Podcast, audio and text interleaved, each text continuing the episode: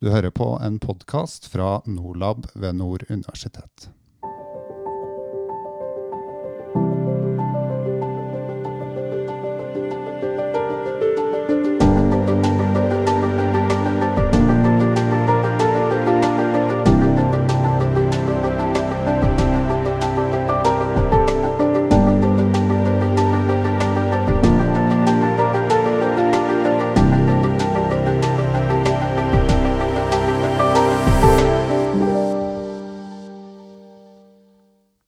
Velkommen til podkasten som vi har ved Nord universitet og Norlab. I dag eh, skal vi snakke om hybride trusler.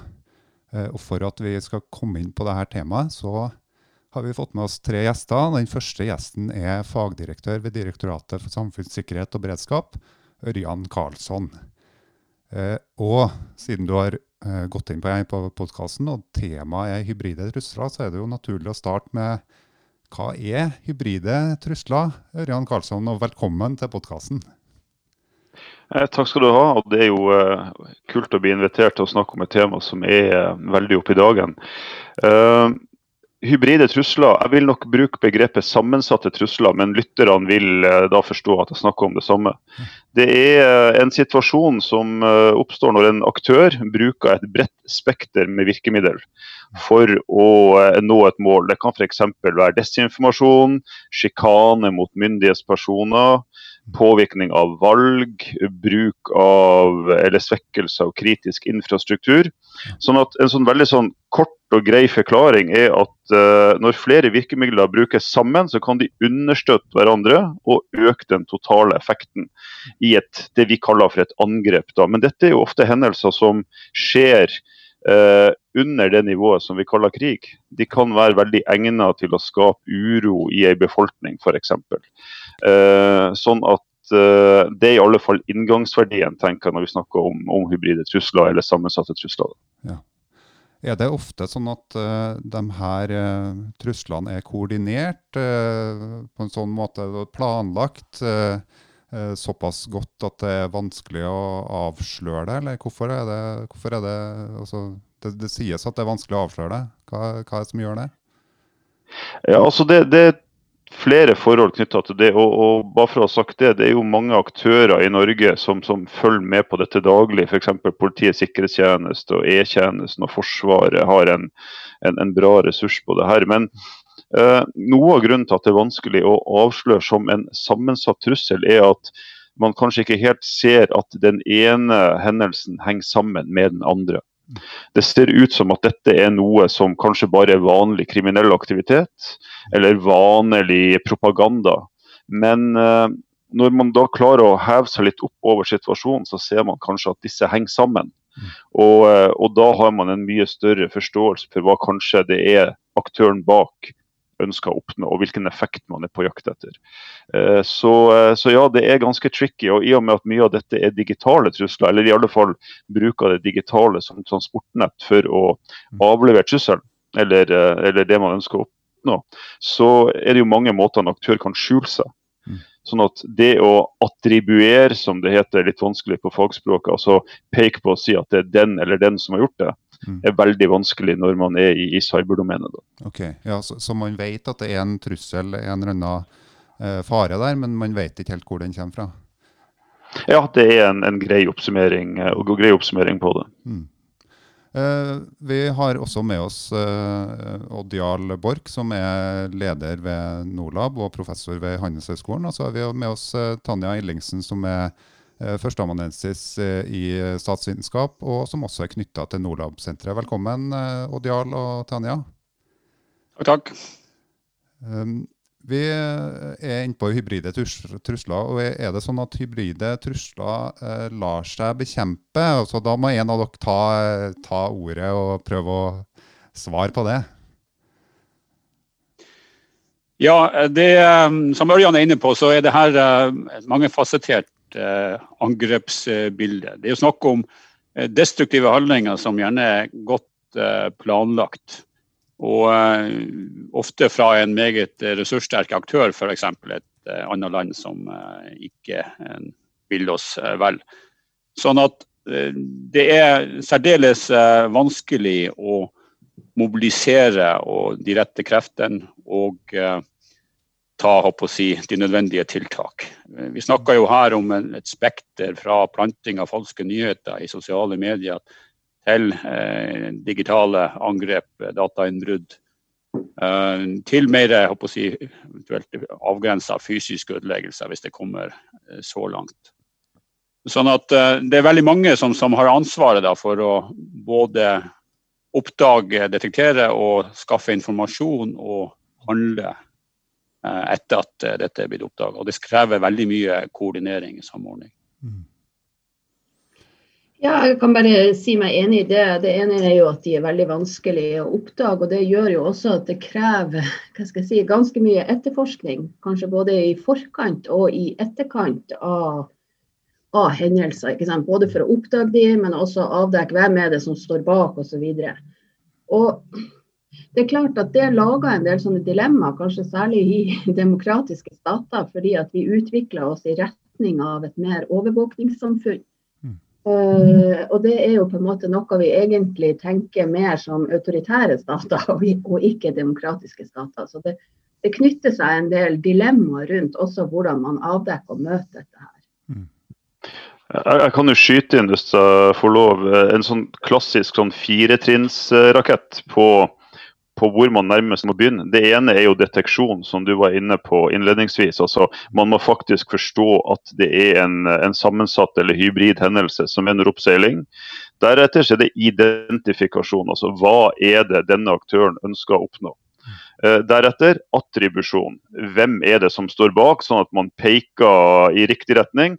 Og sist eh, reaksjon. Altså vi går til et motsvar, gjør mitigerende tiltak, sånn at Eh, at man enten får eh, denne aktøren til å slutte, eller i alle fall eh, sørger for at dette ikke kan skje igjen. Og For å gjøre dette sånn litt mer eh, håndgripelig, da. Forestill deg en hendelse der ekom eh, blir slått ut i Norge. Altså man tar ut elektronikk eller det elektriske forsyninger internettet går ut, og så startes det en massiv kampanje på informasjonssporet som sier at norske myndigheter ikke er i stand til å levere noe så enkelt og universelt og, og, og viktig som internett og, og, tilkobling til norske borgere. Og at dette pågår over en stund, noe som da til slutt kan medføre at eh, politikere får da redusert tillit hos befolkninga. Da kan det faktisk hende at det å redusere tilliten var hele hensikten med hele den sammensatte hendelsen. Mm. Sånn at ting her kan ofte være uh, ganske sånn vanskelig å forstå. altså Hvorfor gjør de dette? Det er kanskje for å oppnå noe helt annet. Mm. Eh, er det ofte sånn at Det vil jeg jo tro, da, at, at i den firetrinnsraketten eller modellen som du snakker om, Ørjan, så, så vil det være en, en del sånn sannsynlighetsberegning for, for, er det en uh, hybrid trussel til stede, altså deteksjon, og så, og så er det helt fram til når du skal gjøre et uh, motsvar, eller, eller uh, også på attribusjonsnivå, så vil det vel være ganske stor usikkerhet til stede? Ja, det er usikkerhet egentlig på to felter. Det ene er jo faktisk usikkerhet. altså Vi vet virkelig ikke hvem som står bak dette. Man, sky, man skjuler seg bak det som man kaller proxy, eller stedfortrederaktører. Mm. Som gjør at den egentlige aktøren kan, kan være skjult. Det andre er jo at man vet hvem som står bak, men ved å avsløre at man vet, så avslører man også noe om hva man sjøl har som virkemidler for å finne ut mm. hvem som gjør dette. Så da kan det hende at, at uh, noen av de norske tjenestene har bestemt seg for at jo, vi vet hvem som gjør det, vi har kontroll på det, men vi får ikke noe gevinst av å gå ut og si det. Og så kan det være en tredje greie der man faktisk vet hvem som gjør det, og så sier man ifra. Hei, slutt med dette. Dette finner vi oss ikke i lenger. I siste instans er jo dette ofte en politisk uh, avgjørelse på, på, hvordan man skal man spille kortene sine. da. Mm. Skjønner. Uh, hvem er det sitt uh, ansvar da, å både ta tak i, både detektere, uh, også ta tak i hybride trusler? Uh, hvem, hvilke instanser, og hvem er det sitt ansvar? Jeg kan jo prøve å svare på det. Det ligger i kortene at det er veldig mange som da vil ha et ansvar. Og så er det noen som må følge opp på sine egne sektorer som, der man angrepet skjer. Men så er det også noen som har et koordinerende, samordnende ansvar. og Det er mest nærliggende å tenke på politiet. Det vi skal òg reflektere over, det er jo at forebygging er kjempeviktig. Og informasjon om dette fenomenet, som er jo relativt nytt si, i hvert fall i, i, den formen man har det i dag, er, er kjempeviktig. Så at, å, å, fortelle hva det er som kan skje, er kjempesentralt. Nå vi, går vi mot, mot, valg, og vi har sett eh, fra andre land, inklusiv USA, forsøk på, på valgpåvirkning fra andre stater. Uh, vi må være forberedt på at noe lignende kan komme til å skje i Norge når vi nå går mot, mot et stortingsvalg. Sånn at, at, eh, Da blir på en måte valgmyndigheter og oppfølging mot kommuner og de som skal gjennomføre valget, kjempeviktig som, som en forebygging. Vi ser jo også kanskje at, at uh, Politiets sikkerhetstjeneste, PST, nå går ut i større grad og forteller om de angrepene som har funnet sted. F.eks. innbruddet på Stortinget og i datasystemene der og, og i en del politiske partier. Mm. Sånn at uh, da blir på en måte den generelle si, samfunnsinformasjon og forebyggende aktiviteter eh, som en konsekvens av det er en, en, en viktig oppgave for, eh, for, mange. Kan kanskje skyte inn litt der. Jeg tror jo det er kjempeviktig. ikke sant? Ja, det er klart at det er noen beredskapsaktører som, som kanskje har et klarere ansvar i forhold til dette enn andre. Men samtidig så nettopp dette at de er så sammensatt og så vanskelig å oppdage. Eh, og på en måte kan skje på så mange ulike nivå og måter, så er det veldig viktig med en sånn generell kunnskap, tenker jeg, rundt om eh, altså Selvfølgelig blant beredskapsaktører, men også i befolkninga for øvrig. Så, eh, så, jeg tenker at dette er kanskje noe vi, vi må ha større bevissthet om i samfunnet rent generelt. Og da trenger man jo utdanning. Mm. Jeg vil bare understøtte det som, som Odiala og, eh, og Tanja sier. Og Forebygging er alfa og omega her. Sånn, I kort så er det jo, som ble nevnt innledningsvis, altså er det en kriminell hendelse oppi dette, så er det jo politiet som er førstelinja. Er det f.eks. For forsøk på på spionasje eller politisk påvirkning, så er det jo PST sitt bord. Eh, NSM forvalter jo sikkerhetsloven, som gir ganske, et ganske klart sånn føring på, på spesielt det på cyberdomenet og, og innbrudd i, i, ulike systemer. Eh, og Sist, men ikke minst, så har jo E-tjenesten utenlandsetterretninga, der man i alle fall kan hente inn informasjon om uh, aktører. Og jeg må jo si at Norge er veldig godt stilt når det gjelder informasjon om hvordan man faktisk jobber, i alle fall sånn litt på overordna nivå. Både PST og NSM og E-tjenesten gir jo ut årlige rapporter der de faktisk er ganske tydelige på hva utfordringa er, og, og, ofte hvem som er de landene man, man ser eh, mest til. da. Og Det er ikke alle som har en tjeneste som er såpass åpen eh, som det. Og så vil jeg jo si helt til slutt at Veldig mye av det vi snakker om er ofte propaganda, desinformasjon, falske nyheter. Ehm, og der er det at vi kan ha en befolkning som er kildekritisk, som, eh, som ser at når de leser nyhet som, som de oppfatter som veldig opprørende eller setter et eller annet i sving, at man da tar et steg tilbake og sjekker kilden og kanskje spør seg sjøl hva vil vedkommende som sender denne med det, som, det budskapet som blir sendt ut. Mm. Det er jo også viktig eh, at, at eh, si, grasrota, de aktørene som har det generelle beredskapsansvaret, eh, er seg bevisst rundt dette. her. Og det meste si, skjer jo rundt i, i en kommune. Mm. Og, og, at man er, setter i stand kommunene til å være på vakt mot denne ting. Til å rapportere opp i linje f.eks. mot Fylkesmannen sin beredskapsavdeling, og som går videre opp mot DSB og.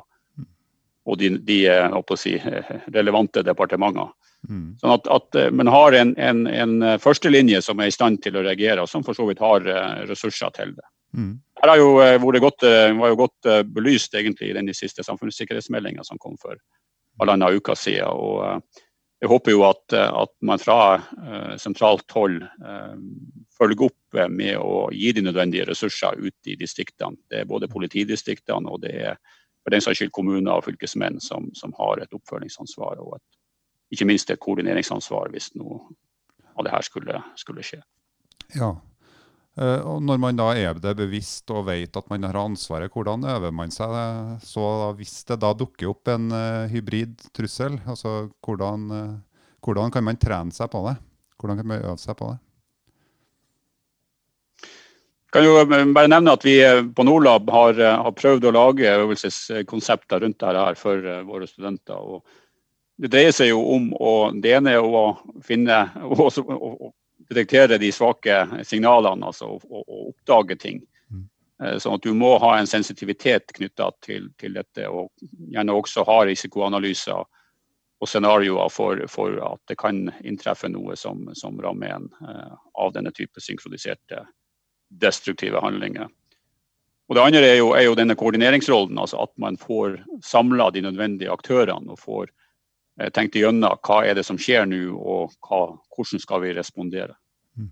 Og, eh, og, det siste er da eh, vil da være et, et, et, et kollektivt anliggende. Dvs. Si at det er sannsynligvis mange aktører som må, må, må, må tre inn og, og, og, gjøre noe aktivt. Mm. Du må øve både enkeltvis og ikke minst da i et, i stort fellesskap i, i beredskapsapparatet.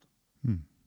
Jeg kan jo bare hive meg på det, for uh, under covid-19 nå, så, så, har jo vi mer enn noensinne gjennomført uh, på vegne av Justisdepartementet så har vi disse samvirkekonferansene der vi enten samler uh, alle fylkesmennene i Norge, inkludert Sysselmannen, eller opp mot de ulike sektorene. Og Dette er et fora der man, gitt en, en spesifikk hendelse, kan samle de viktige aktørene, få oversikt over hva som skjer fra kommune opp og i de ulike sektorene. Og på den måten bidra til at vi får et så helhetlig bilde som mulig, sånn at beslutningstakerne kan ta en god avgjørelse. Og så er det jo en utfordring her, spesielt når det gjelder uh, sammensatte hendelser. Det er ofte et tidsaspekt her. Uh, og uh, den aktøren vi har mot oss, har ofte et hva skal vi si, lemfeldig forhold til sannheten. altså Man kan slenge ut påstander og falske nyheter egentlig akkurat som man vil. Mens når man skal respondere f.eks. som Norge på noe av dette, så er man nødt til å være etterrettelig og, og faktisk komme med et, et, eh, en, eh, en, kommentar eller tilbakemelding som, som, står seg. Og Dette tar av og til tid. og Den eneste måten å sørge for at den prosessen går raskt, er jo å øve på det. Mm. Eh, sånn som jeg forstår i hybride trusler, så, så handler det jo litt om å sette samfunnet litt ut av spill. Skape litt ustabilitet. kanskje true litt de samfunnsstrukturene som eksisterer, den daglige, daglige livet i en nasjon da, på mange måter. jeg ønsker å spørre deg, Tanja, hvorfor er altså, For da er vi også inne på politikk og dem som styrer. og det at eh, samfunnet har tro på og tillit til dem som styrer. Altså, hvorfor er det så viktig i en, i en nasjon som Norge f.eks.? Ja, nei, Politisk tillit er jo på en måte det man regner som selve limet i samfunnet. På en måte Uten politisk tillit, når den, når den på en måte rakner, så er det stor fare i hvert fall for at demokratiet på en måte som sådan rakner. Og eh, jeg tror det var EU-kommisjonen sin leder som for et års tid siden sånt, eh, sa at dette med hybride angrep og cyberangrep generelt det er faktisk eh, like farlig for demokratiet som skytevåpen og tanks. Mm.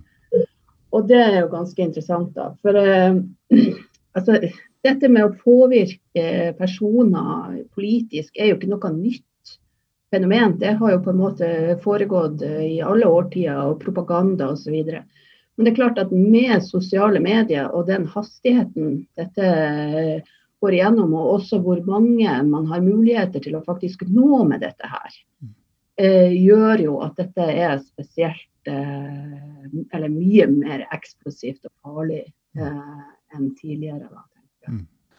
Eh, ja, for, for, for, man ser jo altså nå når man har Eh, gjennom eh, internett og sosiale medier så har man jo innsikt i mye hva, folk er det, hva er det folk bryr seg om, og hva er det folk eh, også fremmer, deler videre. og en god del av det handler om litt teorier om hvordan samfunnet henger sammen, konspirasjonsteorier.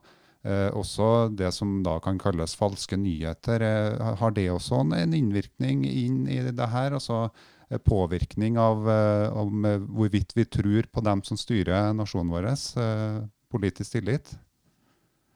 Helt klart. Eh, og det viser seg jo også ikke sant, at eh, altså, tidligere så hadde man på en måte disse konspirasjonsteoriene eh, fantes jo. Eh, det, altså, helt ifra Sions eh, vises protokoller. ikke sant? Så det, det, er jo ikke noe nytt på en måte at man har teorier om at det foregår eh, hemmelig planlegging på elitenivå Eh, men det som er det nye, det er jo at det når mange flere. ikke sant? Før så måtte du lese spesifikke bøker, du måtte, du måtte treffe spesielle grupper.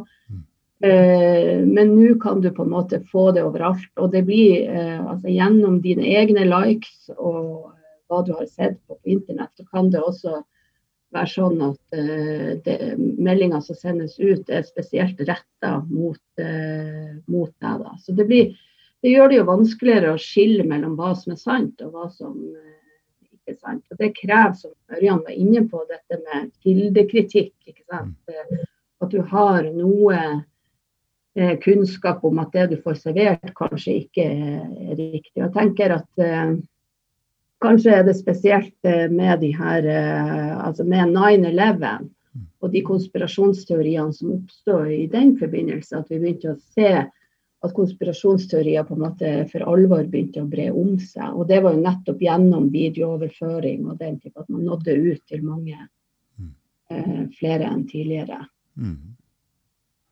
Her er jo uh, Medietilsynet også, uh, sammen med utdanningssektoren, veldig viktig. Uh, det er en undersøkelse mediet, altså fra Medietilsynet som viser at unge mellom 9 til 18 har sosiale medier som sin viktigste nyhetskilde. Og det er klart at Da gir det mening at noen prøver å påvirke den nyhetsstrømmen som, som, kommer der. faktisk så er det jo sånn at man er såpass bekymra for det som knytta seg til det å være mediekritisk, og kanskje hvor forlokkende en konspirasjonsteori, sånn som Tanja var inne på, er at man nå har dette inne som pensum på ungdomsskolen. Altså kritisk lesing, kritisk tenking, eh, kritisk medieforståelse.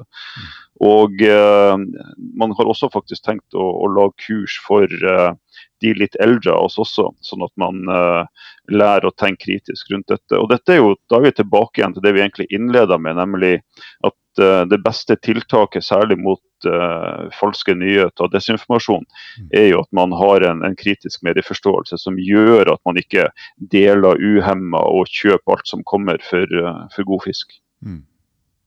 Jeg at generelt utdanningsnivå, det er altså bevissthet og kunnskap om konspirasjonsteorier også, også er ganske sentralt. Jeg tror jeg leste en undersøkelse fra Pew Research Center som viser f.eks. at denne teorien eller QAnon som eh, på en måte Trump har valgt å eh, retweet eh, viser at så mye, altså Det er ikke alle amerikanere som har hørt om den teorien, men av de som har hørt om det, så er det 16 som faktisk tror at det er noe i denne teorien om at demokratene er liksom satanistiske pedofile uh, i et elitenettverk. Og Det er jo ganske interessant at denne får såpass oppslutning. Og i den amerikanske befolkningen rent generelt så er det vel uh, oppimot 59% som tror på en eller annen konspirasjonsteori. Mm. Det er ikke vi samme tallene i Norge i det hele tatt, selvfølgelig. Men, uh, men det, det, ser ut til at konspirasjonsteorier, i hvert fall i den unge befolkninga, altså er i ferd med å nå klasserommene. Og Da er spørsmålet hvordan, hvordan håndterer vi det? Og Da er disse kildekritikk og opplæring i det viktig, som Ørjan var inne på. Mm. Dette med, med, en kontinuerlig faktasjekk eh, er jo utrolig viktig. Og, og, her er det jo de seriøse media, eller redaksjonelt styrte media, får jo en, en stadig viktigere rolle. Det er utrolig eh, sentralt at vi klarer å, å bevare en, en, uavhengig presse som ikke er til de grader opptatt av, eller avhengig av å, å få, uh, få, klikk og få uh, si, annonseinntekter uten å, å ivareta den, den uh, redaksjonelle, eh, sterkt uh, si, kritiske tilnærminga som, som, journalister har i dag. Vi har jo på Nord universitet en, en journalistutdanning, og vi har en master nå i, i, journalistikk og kommunikasjon som etableres nettopp med fokus, som har et stort fokus på dette med, med kildekritikk og, og faktasjekk. Og um, Jeg tror vi må gjøre enda mer på den sida framover. Både styrke eh, de seriøse media og også kanskje ha egne organer for, for dette med faktasjekk.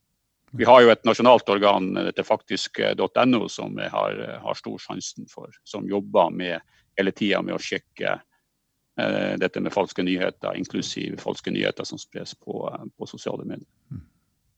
Jeg, jeg, merker nå at det er jo fort gjort at du tenker Forsvarsdepartementet når du tenker hvilke instanser skal gjøre et, et tiltak her. Men nå utvider vi jo egentlig både ansvarsområdet til politikerne og hvem som bør tenke sånn eh, knytta til hvordan vi kan stå i fare eller bli, uh, stå i en trusselsituasjon.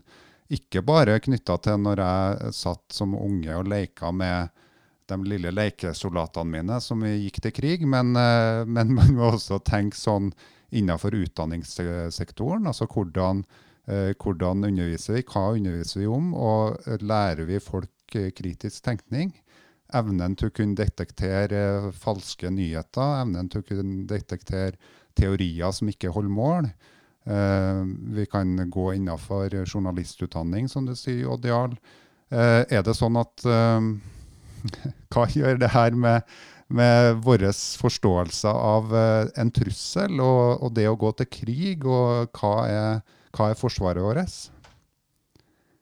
Jeg skal, jeg skal, det var et veldig stort spørsmål du stiller, men det her passer faktisk eh, godt innenfor altså spørsmålet er godt innenfor det konseptet vi har bygd oss det siste, altså vi har gjenoppliva de siste årene, nemlig totalforsvaret. Eh, de fleste situasjonene der vi vil stå overfor en eller annen form for sammensatt hendelse eller hybrid trussel, skjer eh, i fredstid. Og så ser vi at, at eh, f.eks. i land som Ukraina, at, at skillet mellom krig og fred nærmest er geografisk avhengig av hvor du befinner deg i landet, og at man uansett må håndtere en situasjon som er prega av, av, stor uro. Um, men ved å se dette i et totalforsvarsperspektiv, så, så, forstår man samtidig at alle vil ha et eller annet på sitt felt og i sin sektor og på sitt ansvarsområde som kan knyttes til det vi snakker om nå. Og det gjelder egentlig bare å finne ut hva det er, og som man har kommet her med eksempel både på utdanning i skoler, journalistutdanninger, eh, kommuner, fylkesmenn, de ulike forvaltningsnivåene. Eh, så totalforsvaret er en veldig bra eh, altså en veldig bra modell for hvordan vi som samfunn sammen kan, kan, håndtere dette. Og der, det, er også det som gir meg uh, tro på at vi, uh, vi, kommer til å håndtere det også når vi får skrudd til uh, disse ulike mekanismene godt nok. Det som er litt viktig å kanskje tenke gjennom, er jo at mens man tradisjonelt har tenkt forsvar som noe som trer i, i funksjon når det kommer en, en, en, noe som er på grensa vår, ikke sant? Og, og gjør noe fysisk eh, eller en annen type krise, sivilkrise, hvor, hvor uh, Forsvaret og sivile beredskapsaktører trer sammen, så vil man her i større grad en, en, være under kontinuerlig angrep. Altså, vi vet at det bygges opp uh, trollfabrikker i andre land der organiserte kriminelle og statsmakter rett og slett bygger opp et apparat for denne type hybrid krigføring. Og Det gjør at vi, vi, rett og slett må ha et, et totalforsvar som Ørjan er inne på, som, eh, hele tida jobber med de her tingene. Vi må ha noen som, eh, som eh, hele tida er der i beredskap og følger med og mobiliserer om nødvendig. Sånn vi, vi, må tenke litt i andre baner enn, enn den tradisjonelle eh, si, eh, forsvarstenkninga. Jeg har vært, litt opptatt av at ja, vi bygger opp nå en, en, et betydelig fors, eh, forsvar, altså militært forsvar. Eh, men vi må sørge for komplementaritet mellom den sivile og den militære delen av totalforsvaret. og er, vi er vel i en situasjon der det kanskje den sivile forsvarsgreina, om man vil, eh, sivile beredskapen, ikke fort nok eh, bygger opp en kapasitet sammenlignet med den store innsatsen som skjer innenfor militæret. Så Vi må sørge for, for komplementaritet i de to si, sentrale beina, det sivile og det militære innenfor totalforsvaret. Jeg tenker sånn litt her på, på tampen. Altså det, det, er en, det, er en, liten ting, men den kan jo nevnes. I, uh, i våres, når vi hadde den første bølgen av, av covid-19, så så vi også økninga av uh, falske nyheter, desinformasjon knytta til både viruset sitt opphav og om det faktisk var farlig, og alt dette som dere kjenner til. Uh, DSB har jo en egen beredskapskampanje der nøkkelen i denne kampanjen er at man skal være selvforsynt i tre dager hvis noe uforutsett skulle skje. Eh, og på den måten klare å avlaste uh, nødetatene som, som, må bruke ressursene på andre. Men uh, i den forbindelsen så laga vi da også en, en sånn infofolder eller brosjyre som vi delte ut til kommuner og fylker. Der egentlig grunnbudskapet var at du er en del av Norges beredskap også mot falske nyheter. Og Det var retta seg direkte mot, uh, mot befolkninga, slik at man uh, nettopp gjør det som vi har snakket om her. altså Man, man tenker seg én gang ekstra om før man deler eller sprer noe fantastisk som man har lest på nett. Uh, en veldig lite, liten del og et lite eksempel, men i alle fall en måte der man kan i større grad synliggjøre for, for alle som bor i dette landet, at vi har et felles ansvar for å, å, stå imot i alle fall deler av dette som kommer innenfor begrepet sammensatte hendelser. Da, da, kan dere jo tenke på det, eh, dere som er lyttere. Eh, vi håper at denne podkasten har vært en del av den informasjonen du tar til deg, og kanskje sprer videre. Altså, Hvis du skal spre noe videre i sosiale medier, så kanskje velg denne i stedet for misinformasjon. Ha det bra, og takk til alle gjester.